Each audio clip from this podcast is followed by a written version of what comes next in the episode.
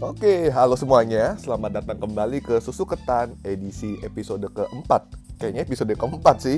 Oke, um, hari ini gue pengen bahas sesuatu yang gue yakin sih setiap orang di dunia itu selalu menambahkan itu. And then gue pengen cerita from my own experience terkait tiga cara cepat menjadi bahagia. Oke, um, setahu gue sih gue mau agak nasi sedikit. Orang tuh kalau ketemu gue tuh suka sama senyuman gue Nah, sebenarnya di balik semua setiap senyuman yang ada, gue yakin setiap orang itu hadapin hal yang sama. Belum tentu lo, belum gue. Semua mirip-mirip lah. Setiap orang punya masalah, setiap orang punya trouble. And then, tapi bagi gue bahagia itu sebuah keputusan dan bahagia itu sebuah hal yang lo harus maintain itu terus menerus. So, um, tanpa tunggu lebih lama lagi, gue akan bagiin tiga tips. Mari kita mulai yang pertama. Yang pertama adalah turunin ekspektasi lo. Oke, okay, um, menukar ekspektasi ini bukan berarti lo menyerah sama mimpi-mimpi lo. Enggak. Karena bagi gue mimpi itu harus setinggi langit. Tapi kalau berbicara ekspektasi biasanya itu kita berbicara ekspektasi ke orang lain. Kita selalu berharap aduh gue harap nih orang lain bisa makan gue treat gue lebih better. Aduh kok hari ini dia nggak senyum sama aku? Aduh kok tiap hari kondisi hidup gue nggak lebih baik? Aduh kok kenapa sih ini dan itu kalau bagi gue um, ekspektasi hidup gue sekarang adalah gue ingin menjalankan setiap hari gue dengan lebih baik. Gue pengen menjalani hidup hati gue dengan eh hati gue hari gue dengan bersyukur. At least setiap hari gue bisa bangun at least gue bisa mengerjakan apa yang harus gue kerjakan dengan baik. So as simple as that. Kalau misalnya ada hal yang masih terjadi gue akan bersyukur. Kenapa? Karena bagi gue um, lihat orang lain. Karena kadang-kadang gue bingung nih di usia gue yang ke masuk ke 27 gue ketemu banyak orang dan well roda kehidupan berjalan. Ada orang yang kadang-kadang lebih muda bisa mati lebih cepat dibanding orang yang usianya lebih lanjut. So gue ekspektasi gue adalah oke okay, Tuhan thank you. At least gue dikasih kesempatan untuk menyelesaikan sehari dengan baik, bisa dapat pekerjaan yang baik, bisa mengerjakan usaha yang baik. So, um, jaga ekspektasi kamu itu juga berlaku mungkin ke diri kamu sendiri. Punya mimpi yang besar itu boleh tapi melihat keadaan kondisi yang sekarang itu juga penting. Maksudnya jangan sampai kamu ngepush diri kamu kebesaran tapi ternyata kapasitas belum di sana.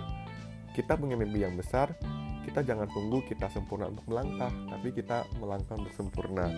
So itu. Yang kedua bekatan banget sama yang pertama yaitu mengenai bersyukur secara pribadi gue bukan orang yang gampang bersyukur karena gue itu terbiasa orang yang set goal. Dan bukan dengan poin satu gue juga orang yang suka pasang ekspektasi.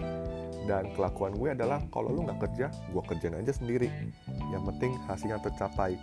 Tapi dengan sifat dan tindakan seperti itu sering kali membuat gue bukan orang yang bisa gampang bersyukur. Kadang-kadang aduh kok dia begini sih? Kok A begini sih? Kok B begini sih? Kok nggak sesuai ekspektasi gue? Apalagi uh, gue orangnya cukup akademis dulu dan hmm, dan suka lah untuk menjadi yang terbaik. Tapi dalam hidup kan belum tentu kita menjadi yang terbaik di semua hal. Apalagi semakin uh, apalagi sekarang gue usaha. Gue tahu pasti banyak orang-orang lain yang jauh lebih baik. Jadi uh, yang gue lakukan adalah oke okay, gue bersyukur dengan talenta yang gue miliki.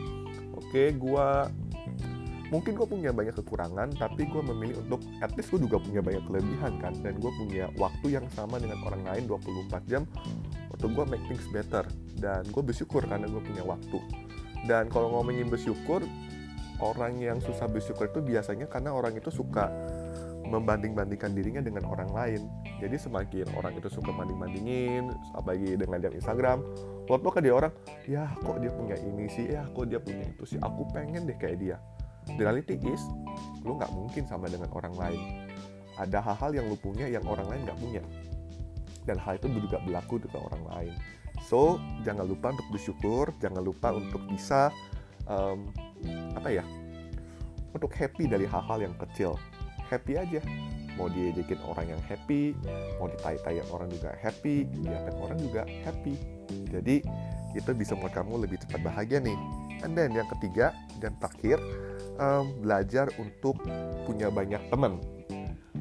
Gue mendapati diri gue gue tuh dulu tuh orang yang sangat ambisius gitu dan orang yang nggak fleksibel.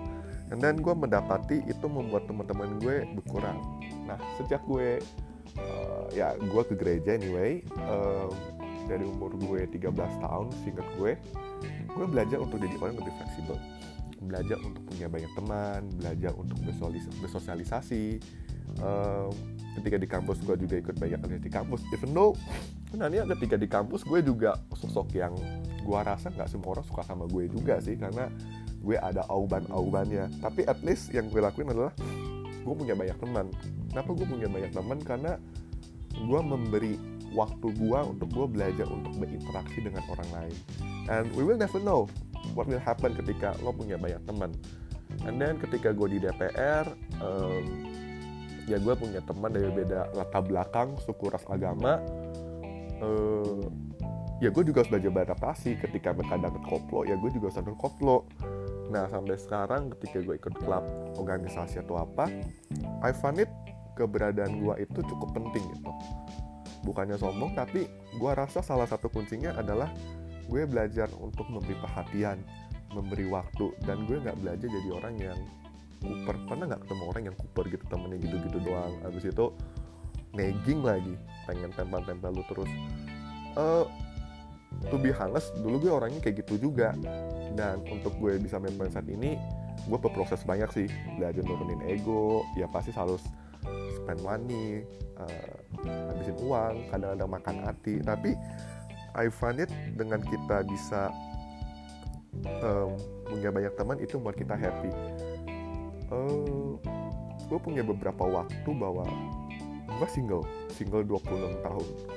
Tapi gue mendapati hidup gue nggak Jonas sengsara gimana karena gue punya banyak teman. Jadi ketika gue single itu gue merasa ya kalau ya ada galau-galaunya juga sih gue aku gue bukan manusia sempurna. Tapi anyway gue menemuin ya udah loh kalau dia mau sama gue mah bagus. Kalau enggak teman gue juga banyak.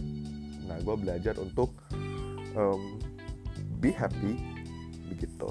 Nah podcast kali ini panjang banget ya 7 menit lebih. Tapi anyway teman-teman um, ini beberapa tips dari gue tiga cara untuk menjadi cepat bahagia. So gue akan segera konklusiin. Yang pertama adalah turunin ekspektasi lo karena ekspektasi lo membunuh, uh, membunuh.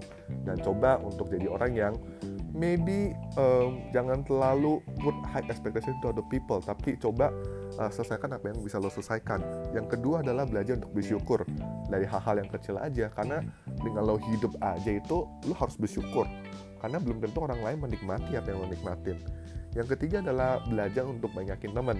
Bagi lolo yang pemalu ya dulu gue juga pemalu belajar untuk jadi orang yang sedikit tidak tahu malu belajar untuk bertanya belajar untuk curious belajar untuk jadi orang yang disukai nah itu aja teman-teman episode gue terkait tiga cara jadi cepat bahagia so um, kalau kamu punya pendapat kalau kamu punya ide atau komentar untuk podcast ini lebih baik please tolong untuk chat di komentar di post gue di Instagram So itu aja teman-teman. Thank you.